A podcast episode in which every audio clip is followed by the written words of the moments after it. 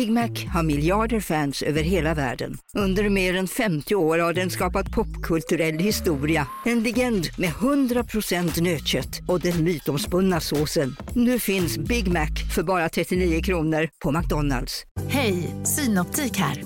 Livet med glasögon ska vara bekymmersfritt. Därför får du 30% på alla glasögon när du väljer Synoptik All Inclusive. All service ingår alltid. Välkommen till Synoptik. Hej, Susanne Axel här. När du gör som jag och listar dig på en av Krys vårdcentraler får du en fast läkarkontakt som kan din sjukdomshistoria.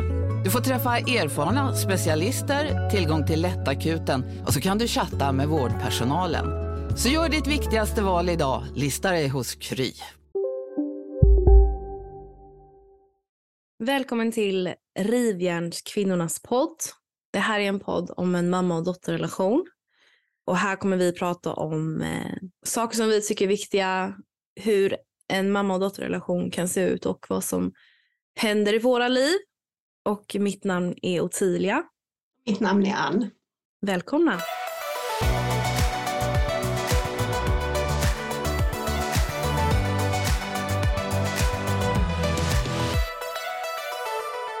Hallå, hallå mamma! Hej Ottilia!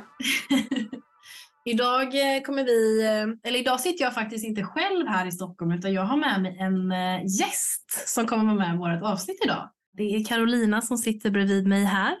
Hallå, hallå. Hallå, hallå. Hur känns det? Jo, men det känns eh, jättespännande. Ja, det ska bli superkul. Vi har ju längtat efter att få ha med en gäst. Mamma, kan inte du, för ju, du och Carolina träffades ju egentligen först. Ja, vi träffades först därför att jag var intresserad av ett jobb som eh, du höll i som rekryterare kan man säga. Mm. Mm. Ja, och eh, sen så blev jag inbjuden till ett event i Stockholm och då tog jag med mig Ottilia. Mm. Eh, och vad hände då? Nej, men vi, vi var på det här roliga eventet då, innan jul till och med. Mm. Och eh, sen så, jag har ju själv, eh, eller så här, jag tycker det alltid är roligt eh, alltså, söka nya jobb och liksom se vad som finns där. Och då connectade vi lite. Mm. Och så här, vi började, jag vet att när vi skulle gå från eventet så sa vi någonting som, som jag tycker är så jäkla roligt nu, men nästan alla jag träffar, så bara, jag har varit i Kiruna. Och helt plötsligt bor någon där, någon mm. syster är där och så började vi prata om det. Ja. Så tänkte jag, det är fan inte klokt. Ja, alltså. Där är jag född. Ja exakt, det var så jäkla mm. roligt. Så då bestämde vi ett möte för att prata lite om vad det finns för möjlighet. Eller jag behövde nog bara briefa med någon. Mm. Som att du har ju den erfarenheten. Och jag tog ju med dig för jag tänkte så här att om Ottilia är intresserad av att hitta ett annat jobb så är det ju jättebra liksom att, att skapa lite kontakter. Ja, och så mm. lyssnade du på våran podd. Mm. Mm. Precis. Mm. Och så kände du kanske att du ville vara med. ja. Mm, vad var det som eh, vad kände du liksom? Varför, vad var det du gillade med våran podd? Liksom? Vad var det som fick dig?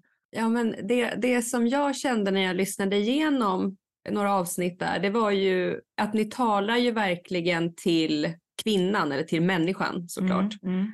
Man lär känna er i podden väldigt, ja men ni är väldigt öppna på ett väldigt avskalat sätt. Mm. Eh, ett positivt sätt. Det blir liksom, man, får, man kommer in i händelsen och livsomvälvande situationer och, och det fastnade jag för. Och sen när vi diskuterade det här så var det ju en händelse mm, eh, från mitt liv som, som jag kan dela. Ja. Det tycker jag liksom är jätteroligt. Att du så spontant säger så här, men det här verkar jättespännande. Jag har en historia som jag vill dela. Och så gör vi det. Det tycker jag är fantastiskt liksom, när man så snabbt bestämmer sig för någonting. Annars så kan det ta tid. Så. Mm. Ja, men jag vill gärna vara med, men kanske, mm, ja. Det här var ju liksom, det är så det ska vara. Ja. Man ska bara gå på känslan. Ja, ja men verkligen. Jag tror det är många som så här, tänker, som har liksom hört av sig till oss och bara, ja men jag har också en story, men jag tror inte folk vågar dela riktigt för man är så rädd. Och jag tror att det är det som blir liksom så här, eh, nakenheten i vår podd. Liksom. Mm. Vi säger kanske mm. saker som inte är jätteroliga att folk vet.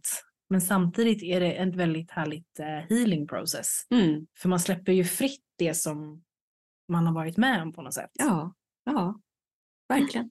Så uh, vad, vad handlar din story om Carolina? Så här mystiskt. Ja, Ja, men min story handlar om, eh, eller det som vi kommer beröra idag, är väl framförallt när jag förlorade min eh, älskade pappa dagarna efter vår andra, andra sons födelse. Mm. Då jag och min man skulle åka på återkontroll eh, efter förlossningen då med vårt andra barn. Hade en ettåring hemma och mina föräldrar var hemma hos oss och pappa faller ihop mm. på hallgolvet. Och där står vi. Ja, mitt i... Hela familjen är påklädd och på väg. Mm, mm. Ja, när du berättar det så tycker jag så här att eh, alltså ska man säga, det är, liksom, det, är en, det är en så stark upplevelse att man har svårt att ens tänka sig liksom hur det mm. är. Mm. Och jag har själv inte förlorat någon så nära, liksom, inte på det sättet. Men hur, vad var det liksom, hur, ble, hur blev, eller så här, vad var händelseförloppet? Eller hur man ska säga. Ja, men händelseförloppet så här med, eh, om man tittar också lite i backspegeln, så var det ju en morgon som alla andra. Och mina föräldrar bodde hos oss där och då för att, eh, för att hjälpa oss med vår ettåring och vår nyförlösta bebis mm, helt mm, enkelt. Mm. Och hjälpa mig då såklart. Jag hade genomgått ett kejsarsnitt så att jag fick inte bära och så vidare. Mm. Så de var där och bara ja, men skulle hjälpa vår familj eh, under ett, ja, ett par veckor. Eh, det som hände var att egentligen då att pappa var ganska trött den morgonen. Han brukade alltid gå upp väldigt tidigt.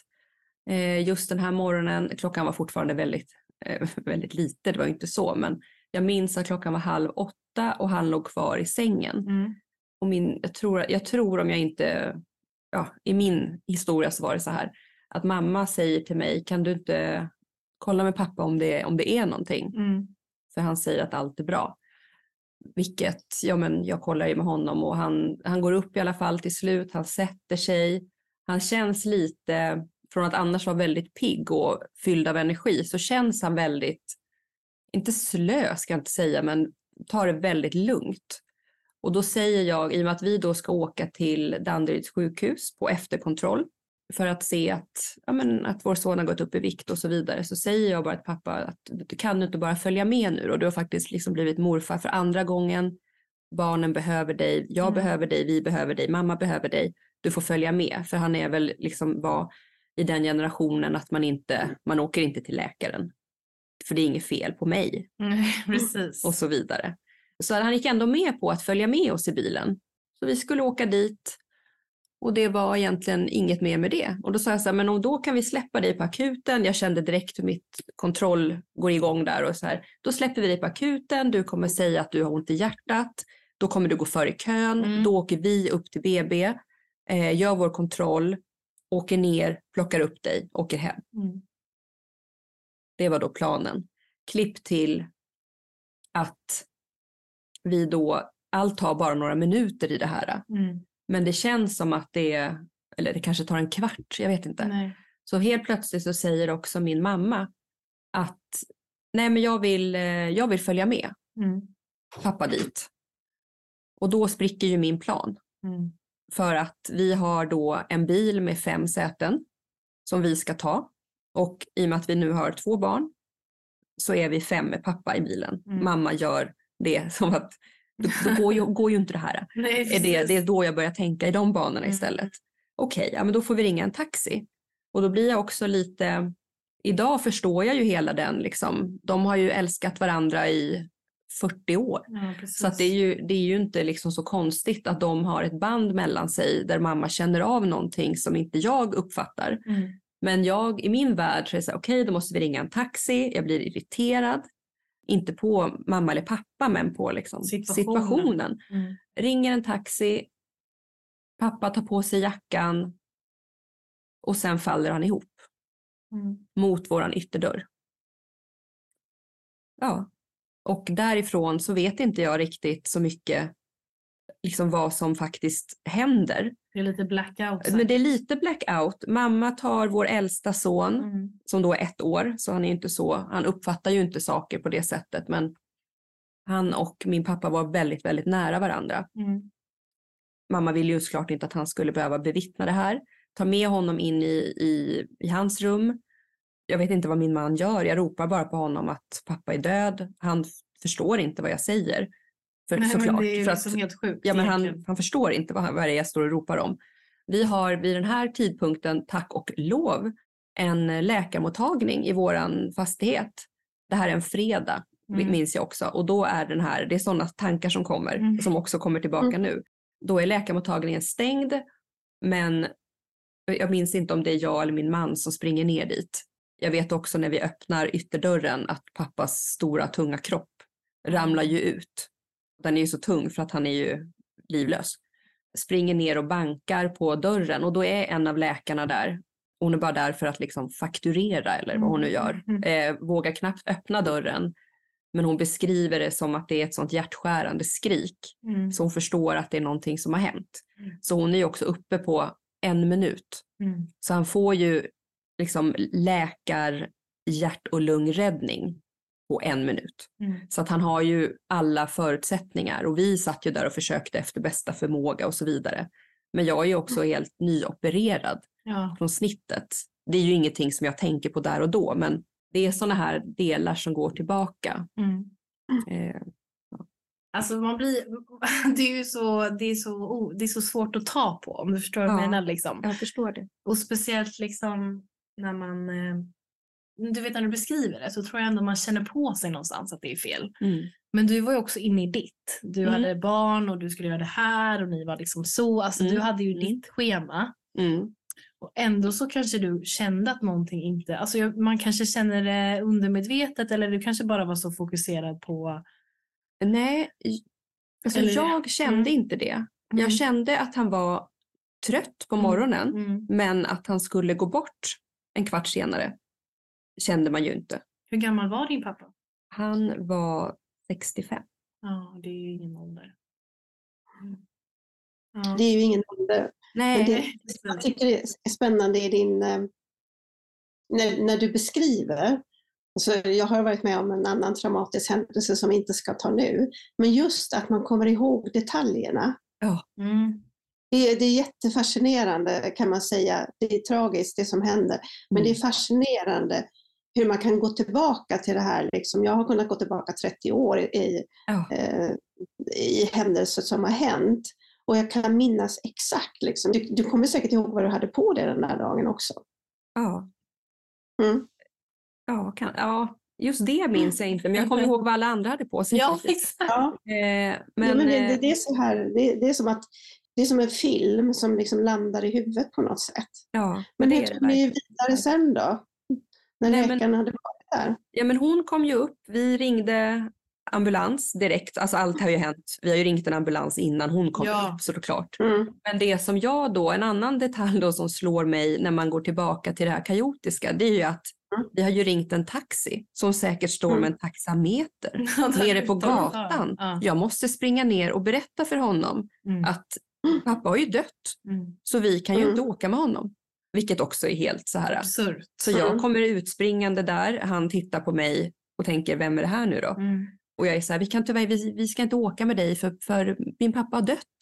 Eh, upp Ja. i lägenheten här förstår du. Så att, eh, och han blir ju helt chockad. Mm. Och jag säger, vad blir jag skyldig för det här? Han bara, nej, men, nej, nej, nej, nej, alltså ingenting. Jag bara, jo men självklart. Och han är så här, nej, nej, absolut inte, upp med dig igen. Det är den där duktiga flickan bara, jag ska betala Ja, innan du åker ja, iväg. Ja, ja, men här har vi liksom besvärat Ja, här. exakt. Eh, och sen så går det väldigt fort. Så det kommer också då en, eh, en eh, brandbil är först på plats. Det också har gått en minut fortfarande. Allt Mm. går väldigt, väldigt fort. Och sen två ambulanser kommer strax efter varandra. Så att det är väldigt, väldigt mycket personal, väldigt mycket... Ja, men pappa får den bästa tänkbara hjälp man Mm. kan få i ett sånt här scenario. Och de sa ju också, hade det varit en vanlig, eller vanlig, jag vet inte om man säger så, men en hjärtinfarkt så hade han överlevt. Mm. Men nu var det ett hjärtstopp. Mm. Men de tar ju honom till, till thorax på Karolinska. För de får upp någon form av puls där i trapphuset. Mm. Eller så gör de vad de kan i och med att vi står där som en liten familj. De tar med honom i alla fall. Och mamma och jag åker i ambulansen bakom. Mm. Och där sitter vi och ringer runt. Till, eh, ja, men till min pappas syster Mm. lite så också osurrealistiskt och bara Ja. Det är bra om du kanske kommer till Karolinska för pappa är död. Mm. Alltså lite så samtal som ingen väntar sig. Det är också sådana saker jag kommer ihåg. Mm. Och lite så här, åh varför ringde vi så där? Åh, det känns lite tokigt. Mm, det- Man tänker inte riktigt klart heller. Nej, men man det är ju en chock. Alltså det är ju är- ett chocktillstånd liksom. Ja, Man, man, man, jag tänker att man blir väldigt rationell på något sätt. ja. Men också i, jag, ska, jag tar tillbaka lite för att nu sa jag ju här att vi trodde att han var död. Men när vi sitter i ambulansen, då har vi ju fått Mm. hoppet tillbaka. Ja, Mm. Så vi tror ju att han liksom kommer att klara sig. Men Mm. han är ju illa däran. Men vi vill ju liksom Mm. att Mm. ja, berätta för vår absolut närmsta familj. Och det är ju min pappas syster också. Så, så att det blir ju... Det är en liten, man pendlar väldigt mycket mellan att, för man föreställer ju inte sig att han ska dö. För nu har de ju Nej. tagit honom därifrån. Mm. Eh, till att vi sen kommer in på thorax och pappa är ju iväg i ett rum där de håller på med allt vad man gör i det här rummet, det vet inte vi. Och vi sitter i ett, Mm. Jag vet inte vad det heter, familjerum eller ja, Mm. eh, samtalsrum eller så. Och sen så kommer läkaren in och säger att han gick inte att rädda honom och han är dödförklarad och ja, om ni vill gå in till honom helt enkelt. Mm. Hur är Alltså- känslan liksom, när, du går in till, när ni går in till honom? Ehm, ja men helt tom. Mm. och ändå inte. För där ligger han ju och är liksom så fin Mm. men alldeles kall. Mm. Alldeles kall men kanske inte alldeles kall men han var ju betydligt kallare än vad han var på morgonen. Mm. Men han har väl antagligen, ja men det gick kanske fort. Jag har aldrig träffat någon tidigare som har gått bort Nej, på det sättet. Alltså, det är första så här... eh, ja, Liv. Ja. ja, dels på så. Eh, men Mm. eh, ja, jag kommer ihåg att han var väldigt kall. När jag pussade hans panna så kände jag att den är kall. Mm. Och sen så var vi såklart där. Mamma tog farväl och jag, vi båda två flera gånger om. Mm. Sen fick vi en papperskasse med de uppklippta kläderna men och. Ja. plånbok och så vidare. Det var liksom det vi åkte hem med. Mm. Och så kom min man och, så, och min svärfar och hämtade oss. Så Mm. det, Det, det är en sån absurd situation Ja, på något verkligen. sätt när det går så fort. Mm. Eh, för det kan inte ha varit många timmar från halv åtta tills, tills ni skulle iväg egentligen. nej, nej, nej, utan pappa, om jag inte nu, ja, minuterna kanske slår fel här, men jag tror att han dödförklaras 09.10. Ja, det är ju det Mm. pratar om. Ja. Typ. Och vi skulle varit på återkontrollen 9. Så vi Mm. skulle kanske ha åkt då halv nio. Mm. Alltså lite Mm. så. Så Mm. att det är någonstans i tumulten som Mm. det tar inte... Det känns som att det är fler, när du berättar så skulle det kunna vara en hel dag. Alltså om så. Ja. Mm. Nej men det är Mm. verkligen chop, chop, chop, chop, chop. Mm. Och så många tankar som man hinner tänka under den tiden. Ja, Och också det här som du säger, man ringer runt och man gör olika saker. Ja. Eh, som man liksom går ner till taxin och eh, tycker att det är synd om honom. Alltså man är, det, är- det är verkligt, Ja. när man, man går tillbaka så kan man tänka liksom, det är helt otroligt hur man kan funka. Ja. ja, verkligen. Och, och i det här då så har vi ju också missat våran återbesökstid Mm. med vår bebis. Mm. Mm. Och vi får ju liksom skamset ringa dem och säga att vi har ju missat det här och det var nog min man som ringde. Det här Mm. kommer jag själv inte ihåg. Och vi får då en ny tid dagen efter. Mm. Att han ska ju fortfarande kontrolleras såklart. Mm. Men här man då får också hur viktigt det är med, det här är ytterligare en händelse som har suttit, suttit fast hos mig som jag ofta tänker på själv, hur man behandlar andra människor. Mm. För att det vi då gör, vi packar ju in hela familjen och åker då Mm. på återkontroll. Och då är man ju den här liksom lejonmamman så alla ska med i bilen. Ingen ska vara kvar nu utan nu ska alla sitta i den här bilen. Nu, ja. Mm. Och vi åker dit och vi blir ett par, ja men jag börjar jag blir lite så här, vi kanske kommer komma en minut sen, jag Mm. vet inte. Eller så kommer vi komma fem minuter tidigare men jag vill ringa och berätta att vi är på väg. Mm. Eh, och kommer då fram och jag får en utskällning av den här äh, barnmorskan eller sjö, vem Mm. vi ska träffa. Och säger att vi dök inte upp och så här får man inte bete sig och vi ringde inte och sa till. Och då får jag säga så här, ja, jag ber verkligen om ursäkt. Min pappa dog hemma hos mig igår och eh, anledningen att vi inte kom att vi var på thorax och eh, ja, nu är vi på väg. Och då blir ju hon, ja, tappar ju. Då vet ju, har ju hon gjort bort sig Ja. fullständigt. Liksom. Ja, hon bara förutsätter att vi har skitit i att Ja, komma på den här precis. tiden. Så att det är liksom hennes, nu vet inte jag hur vanligt det är att man gör det, men att istället för att fråga vad var det som hände eller tack för att ni Mm. ringde eller inte, jag vet inte, så har hon en så pass dålig dag så att hon väljer att liksom höja rösten och oavsett vad hon tycker på en nyförlöst mamma. känns ju också helt ofattbart. Alltså, Ja. Om man bara plockar bort händelsen som jag var med om, Mm. eller jag och min familj var med om, så är ju hennes reaktion på det helt fel. Ja, det är inte okej. Nej. Alltså, Men hon bad om ursäkt efteråt. Hon sa att hon, att hon aldrig, hon lovade att aldrig någonsin igen ta ut sin irritation på någon, för man vet aldrig vad någon har varit igenom. Där, det är ju så här när man jobbar med människor så måste man ju tänka att, att man måste inte förutsätta att någon gör någonting för att den inte, för att den har ett dåligt uppförande eller något sådär. Nej. Och det är ju egentligen så att berättelser som vi gör är ju att, att tänka sig att varje människa har en, en, en historia att berätta. Mm. Så jag måste ju faktiskt när jag möter någon fundera på hur jag ska bemöta. mm. Jag kan inte förvänta mig att, att människan gör någonting för att göra fel. Det tycker jag liksom är jätteviktigt att, att komma ihåg.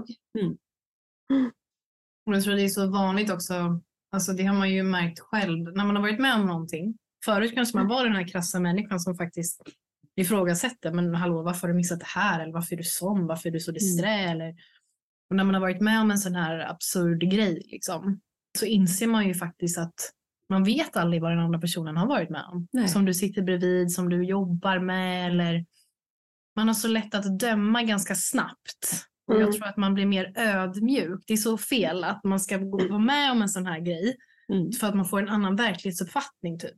Mm. Så kan jag känna med saker jag har varit med om. Jag vet inte hur du känner men man blir nog mer eh, man blir lite mer alltså så här, kanske fundersam eller eh, man kanske ser människor på ett annat sätt. Det kanske låter helt galet men jag tänker så att man eh, får ett annat, en annan syn på saker och ting.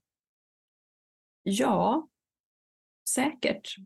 Det som blir framför allt för mig som nu när man har, det här är ju åtta år sedan det här hände.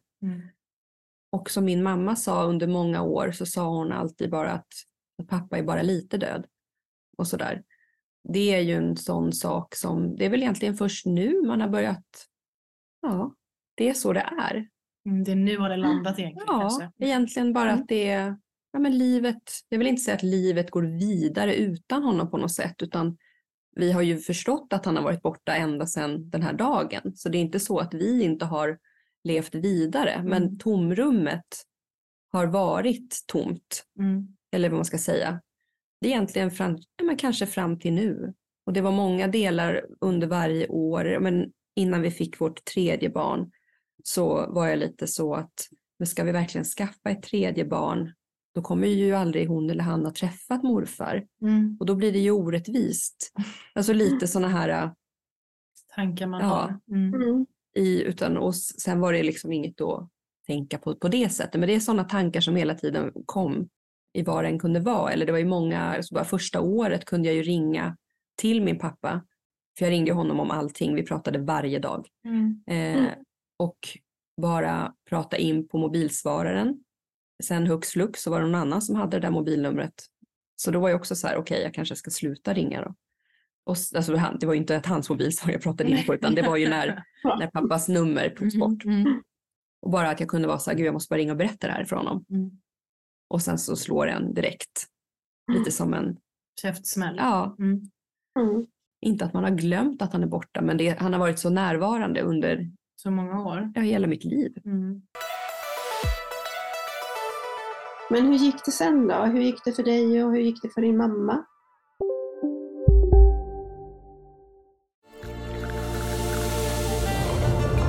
Välkommen till Maccafé på utvalda McDonalds restauranger med Baristakaffe till rimligt pris. Vad sägs om en latte eller cappuccino för bara 35 kronor? Alltid gjorda av våra utbildade baristor. Hej Sverige! Apoteket finns här för dig och alla du tycker om. Nu hittar du extra bra pris på massor av produkter hos oss. Allt för att du ska må bra. Välkommen till oss på Apoteket. Som medlem hos Circle K är livet längs vägen extra bra. Just nu får du som ansluter dig 50 öre rabatt per liter på de tre första tankningarna och halva priset på en valfri biltvätt. Och ju mer du tankar, desto bättre rabatter får du. Välkommen till Circle K.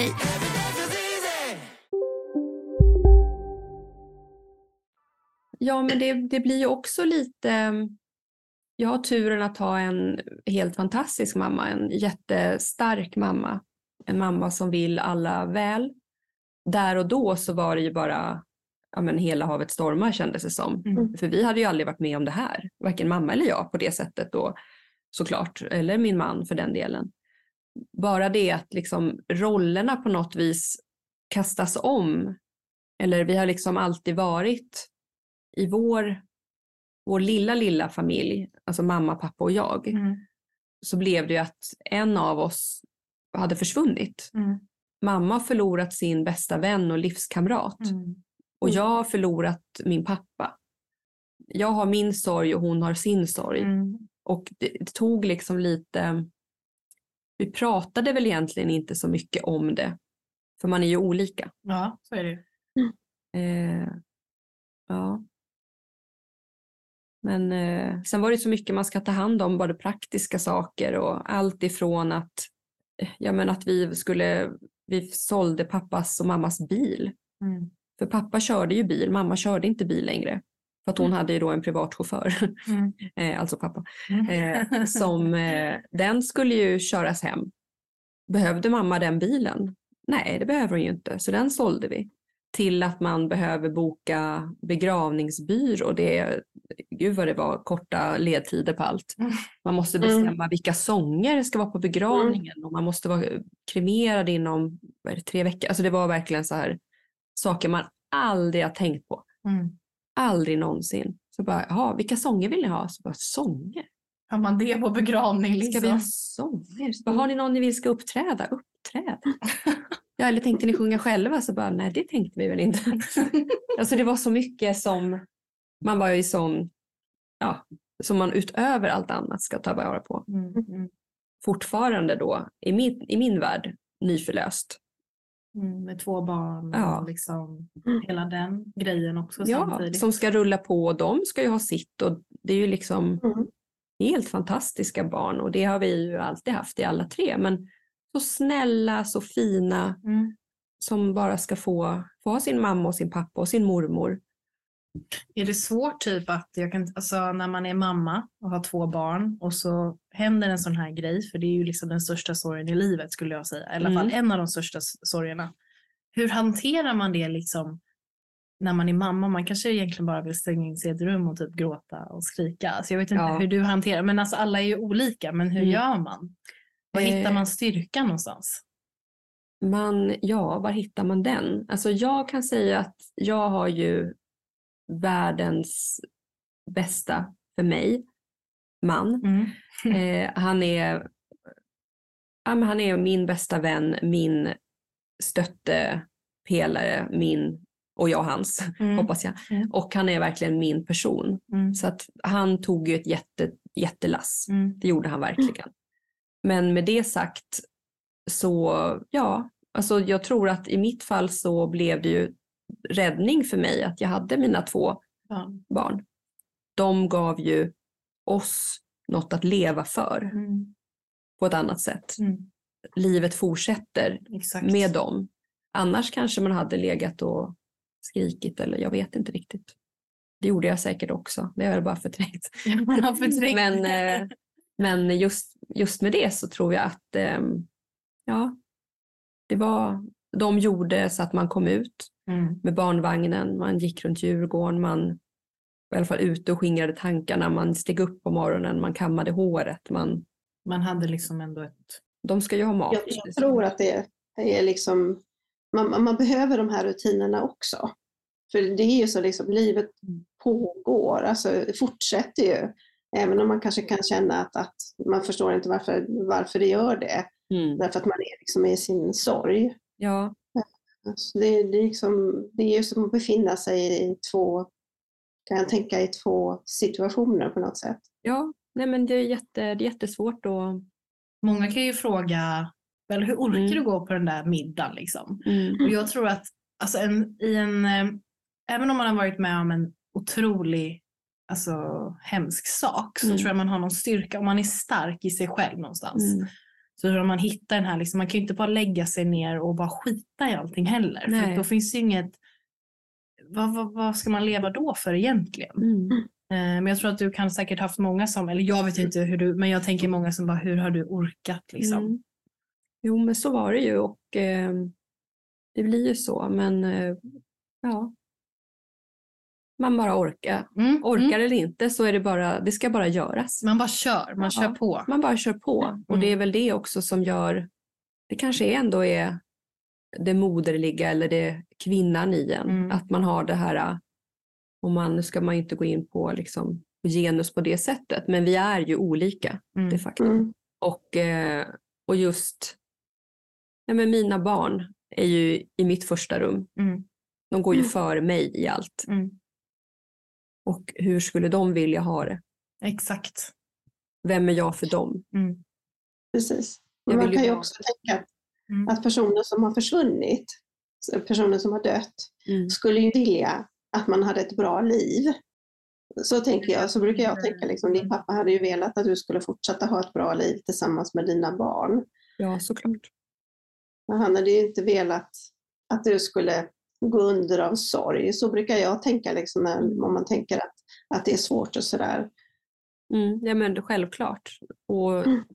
det kan jag än idag tänka också. Mm. Typ, vad hade, vad- hur hade pappa tänkt här? Eller Mm. vad Mm. hade, hur hade han gjort nu? Eller hade Mm. han tyckt att det här var okej? Nej, säkert inte. Jag kör på det. Ja. Eller Mm. ja, Mm. det här hade han nog tyckt var kul. För, Mm. ja, men då kanske vi gör det. Alltså lite att man fortfarande är den här ja, barnet i mig. Mm. Mm. Pratar med mig Nej. själv. Med min, pratar inte med min pappa just, men i tanken. Mm. Typ, vad tycker du om det här nu då? Men Det tror jag är jättevanligt. Ja, Och det är väl ändå, jag tycker typ att det kan vara lite sunt. Alltså Ja. att man Mm. inte bara stänger av. Det är Ja. bättre att man liksom, ja men personen finns ju fortfarande här. ja, ja. Mm.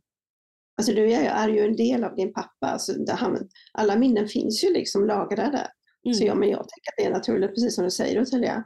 Man fortsätter prata med personen. Mm. Så, så är det liksom. Mm. Ja, men verkligen. Och det, ja. Men jag tror, alltså jag tycker den här, varför jag gillade den här storyn, det låter så hemskt att säga att man gillar storyn, men man blir inspirerad eller man blir liksom lite tagen så för att alltså du säger ju också att du har ju liksom en stark partner som har varit vid din sida och du Mm. har säkert haft alltså, andra människor som har Mm. varit stöttande och Verkligen. liksom kanske arbetskollegor, nära vänner, familjemedlemmar och jag tror att det är också en viktig liksom att man har ett starkt alltså en stark grund liksom, Mm. någonstans. För Mm. jag tror att om man är mer en ensam människa så tror jag det är svårare faktiskt. Det är bara vad jag tror. Alltså, Mm. eh, för det är kanske inte så lätt heller att be om hjälp och sådana här Nej. grejer. Nej, och det man också får, en annan sak som jag lärde mig i det här är för att eh, dels så får man, jag har ju haft turen att ha väldigt fantastiska människor Mm. liksom i vår närhet eh, som verkligen har ställt upp och verkligen funnits där och finns här fortfarande och Mm. ställer fortfarande upp i, i andra saker såklart. Men man märkte också att det var väldigt lite, det låter så fel att säga så här och det är ju inte någon annans ansvar på något vis. Men bland vissa människor var det ju lite nyhetens behag. Mm. Eh, och sen så, jag ska inte säga att någon försvann, men de som stod kvar, de är ju kvar än idag. Ja, precis. Mm. Eh, nu handlar ju ingenting längre om den här historien, Nej. men just den här att de, kärnan blir ju starkare Mm. kring en när man i liksom, det, livet går upp och livet går ner och de man har kring sig ska ju hålla för både upp och nedgång. Precis som att man själv finns där i upp och nedgång. Mm. Att man ska både liksom bära andra och ibland måste man själv bli buren. Mm. Så att det är Mm. just den här att ja, man fick ju ett kvitto på de fina nära och kära som man har kvar mm. idag. Eh, det var inte så att det var så många som försvann, men just den här, det går inte över, för mig är det inte över på att du har frågat mig hur jag mår två dagar efter en bortgång, utan för mig, det, det är ju en lång, lång, lång process. Ja, gud ja. Sen behöver man inte prata om det varenda gång man pratar, men, men man, man får inte heller vara rädd att fråga hur någon mår. Nej, exakt. På riktigt. På riktigt. Och jag tror att många, det handlar nog inte om att många, eller många, många, men inte brydde sig längre. Men jag tror att man inte vågar. Att man i vårt samhälle frågar inte folk. Det vet man ju själv om man går på gatan och någon är så här, hur mår, hur mår du idag? Eller är allt bra? Och då stannar jag och svarar jag ju, ja, ja, det är jättebra. Jag har precis varit inne och sen så har de redan fortsatt gå. Ja, här, ja. Jaha, de undrar inte. ja, det är något man bara säger. Det är en ytlig ja, grej bara. Ja. Liksom. Som att säga mm. hej, säger man hej, allt bra. Mm. Men det där med att ha, med att ha sorg, som, som du säger, alltså det går inte över, men, men förr i tiden så var det så att man hade, kunde ha ett svart band ja. eh, runt ärmen, mm. eller så hade du ett, svart band på rockslaget. Mm. För att, för att liksom, och då hade man ett sorgeår. Ja. Där man liksom, för det är ju så liksom, du måste gå igenom ett helt år för att gå igenom alla delar i det. Och det mm. var ju ganska bra för då visste man liksom att man hade någonting. Nu är vi ju så anonyma så nu syns det liksom inte. Det är ju därför det mm. Tror jag det fladdrar bort så här. Liksom. men det har ju gått över. Mm. Det var ju liksom för ett par månader sedan så nu är det borta. Ja. Det, vi missar en massa fina samtal i, i de här situationerna tycker jag. Ja, ja men verkligen. Det skulle ja, men för många skulle nog det vara väldigt bra, tror jag. Mm. Att man också kan uppmärksamma andra människor som mm. kanske inte har någon att dela det med, men mm. vid ett möte, om man går och ser mm. Ottilia, mm. ser att du bär på sorg. Exakt. Mm. Kanske man kan byta några ord även där. Mm. Jag tycker det är en jättebra poäng att du säger det med eh, hur man mår. Men jag tror att det är därför lite som jag drogs till dig när vi pratade liksom bara om random grejer typ och när du berättade att mm. man vågar öppna sig om saker, man säger mm. grejer och man är liksom jag tycker det är en väldigt fin egenskap faktiskt, att man vågar säga saker som inte är jätteroliga. Liksom. Och så, mm. så, här ser mm. ens, så här kan ens liv se ut. Liksom. Ja. Det kan ju vara olika situationer och mm. alla händelser, alltså ingenting är ju värre än någonting annat. Det här är ju din story. Liksom. Ja. Ja, precis. Mm. Och, och det är också det att sorg kan man ju aldrig jämföra. Nej. Eller väga. Eller, det är många som, det här är ett, ett dåligt exempel, men det är så här, åh gud har du tre barn? Åh, åh gud, jag har bara ett så jag kan inte klaga. Och då brukar jag ju ofta tänka att det handlar ju inte om hur många barn du har utan det är ju framförallt det största förändringen i ens liv var ju när man gick från noll till ett barn. Och när vi hade ett barn, då var ju det jobbigt är fel ord att använda, men då var ju det jättejobbigt. Mm. Två barn, ja men då har man gjort det en gång. Tre barn, det blir ju inte det. enda är ju egentligen logistiken mm. som försvåras. Mm. Ett barn i en enbarnsfamilj är ju minst lika jobbigt, är fel ord igen då, men ja, jobbigt men, som att ha fem barn säkert i en fembarnsfamilj om man bortser från logistiken. Mm.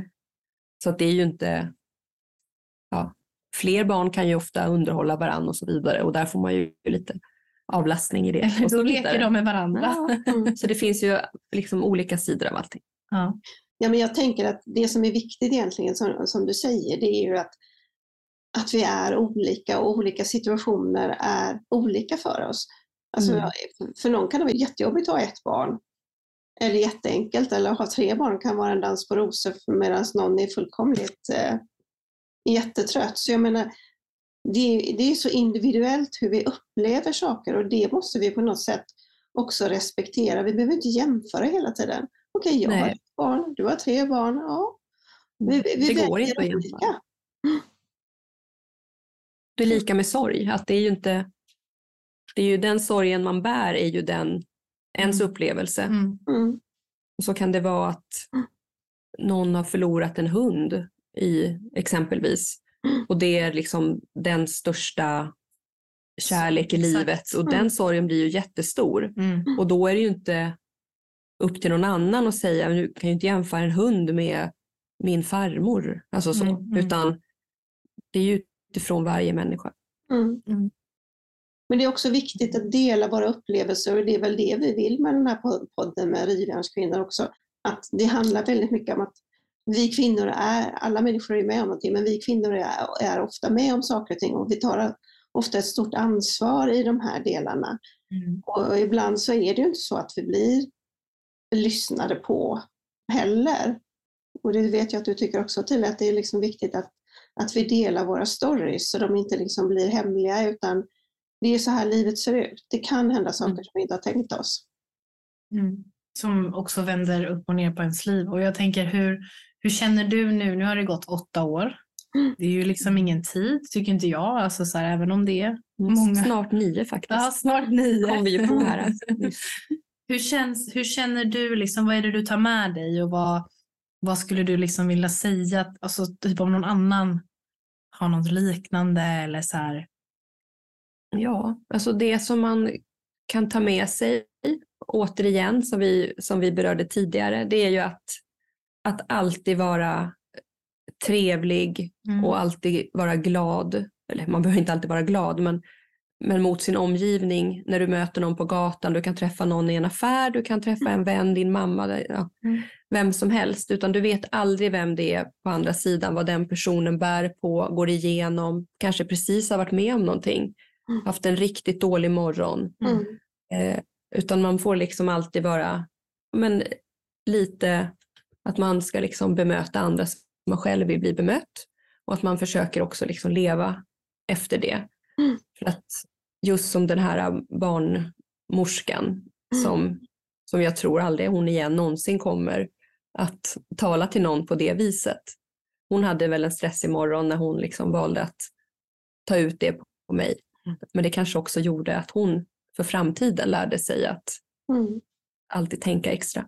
Men eh, just det skulle jag vilja liksom ändå skicka med att man, ja, det är så lätt att ja, men kanske också alltid tro att någon är väldigt glad eller att allt är så himla bra och speciellt idag också med alla sociala medier som är så exponerat där alla lägger bara upp, eller de allra flesta lägger bara upp alla fina resor och dyra väskor och mm. det är så himla härligt hela tiden. Jag kan bara tänka mig vad det gör framförallt för den yngre generationen att man hela tiden ska mätas med hur alla andra har det. Mm. Det går ju i alla generationer såklart men just den här att det är så påtagligt mm. när man växer upp i det och får det serverat framför sig hela tiden. Och ja, men jo, men den att utsidan, att det du visar utåt kanske inte alltid överensstämmer. Så att var snäll. Var snäll. Mm. Mm. Och det är viktigt att du säger det här att, att, äh, att vi, livet är ju väldigt vanligt. Det är inte, livet blir inte bättre för att jag har en ny väska eller om jag har en dyr, ett dyrt klädesplagg. Det är inte det som det går ut på utan så här är livet. Liksom. Det händer saker som vi inte har tänkt oss. Eller jag att vi ska dö, det vet vi ju, liksom, men när det händer så är vi inte alltid förberedda och det innebär ju en sorg som vi måste hantera. Mm. Ja, verkligen. Jag, eh, jag håller väldigt berörd av din story. Jag är därför jag är så väldigt tyst. Jag brukar inte vara så tyst när vi poddar oftast. Det är oftast jag som brukar hålla mycket låda. Mm. Men eh, jag tycker din story är väldigt eh, så fin. Den är så här och det är starkt också. Och jag, tycker, jag tror att det var därför jag drogs lite till dig. Eh, för, att du alltså en stark, för mig är du en väldigt stark karaktär, alltså person och vad du har gått igenom. Så att, eh, eh, jag tycker det är väldigt fint att du har delat med dig av den här händelsen. Och det finns ju så mycket, man kan ju prata om det här liksom i hur länge som helst. Det finns ju mm. så mycket mer. Mm. Vad säger du mamma? Det, det är så berörande liksom att höra och det, liksom, det, det, får ju också mig att tänka på händelser som man själv har varit med om. Att, att det påverkar oss. Och, eh, vi behöver prata om, om sådana här saker mer, för det är ju liksom livet. Inte, inte mm. stoppa det under mattan eller bara tro att det går, går över. Utan det är en jätte, jättefin historia och eh, jag förstår ju av din berättelse också att du har en, en fin och eh, härlig eh, omgivning omkring dig, familj och vänner och så. Och det är skönt att höra. Mm, ja men absolut och det är jag väldigt, väldigt tacksam för. Mm. Ja, man får vara, vara rädd om sig själv och, och det sina så länge man har sig. Exakt. Precis. Tack så mycket för att du ville vara med i vår podd Rivjärnskvinnor. Ja, men tack för att jag fick vara med. Ja, har vi ett, ett exempel på ännu en rivjärnskvinna som är Ja. här ute och flänger. Ja. Det är härligt. Men Det var jättekul att du var med och eh, vi ska vara, vi tar med oss det, var snäll mot varandra. Mm. Tycker vi liksom avslutar det. Att titta i din omgivning och var snäll. Mm. Man kommer väldigt långt på det skulle jag säga. Mm. Absolut. Tack för denna gången och eh, vi hörs snart igen. Tack så mycket. Hej då. Hej då! Hej.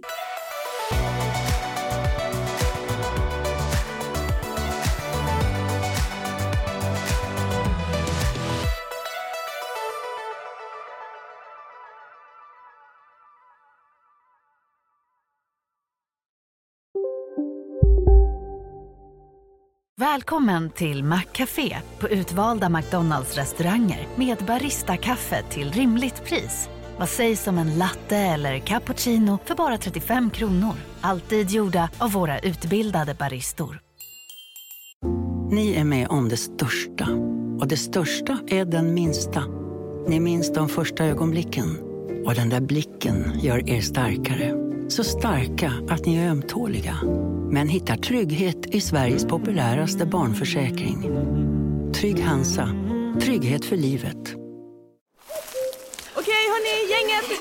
Vad är vårt motto? Nej, allt är inte alltid som du tror. Nu täcker vårt nät 99,3 procent av Sveriges befolkning baserat på röstteckning och folkbokföringsadress. Ta reda på mer på 3.se eller i din 3-butik.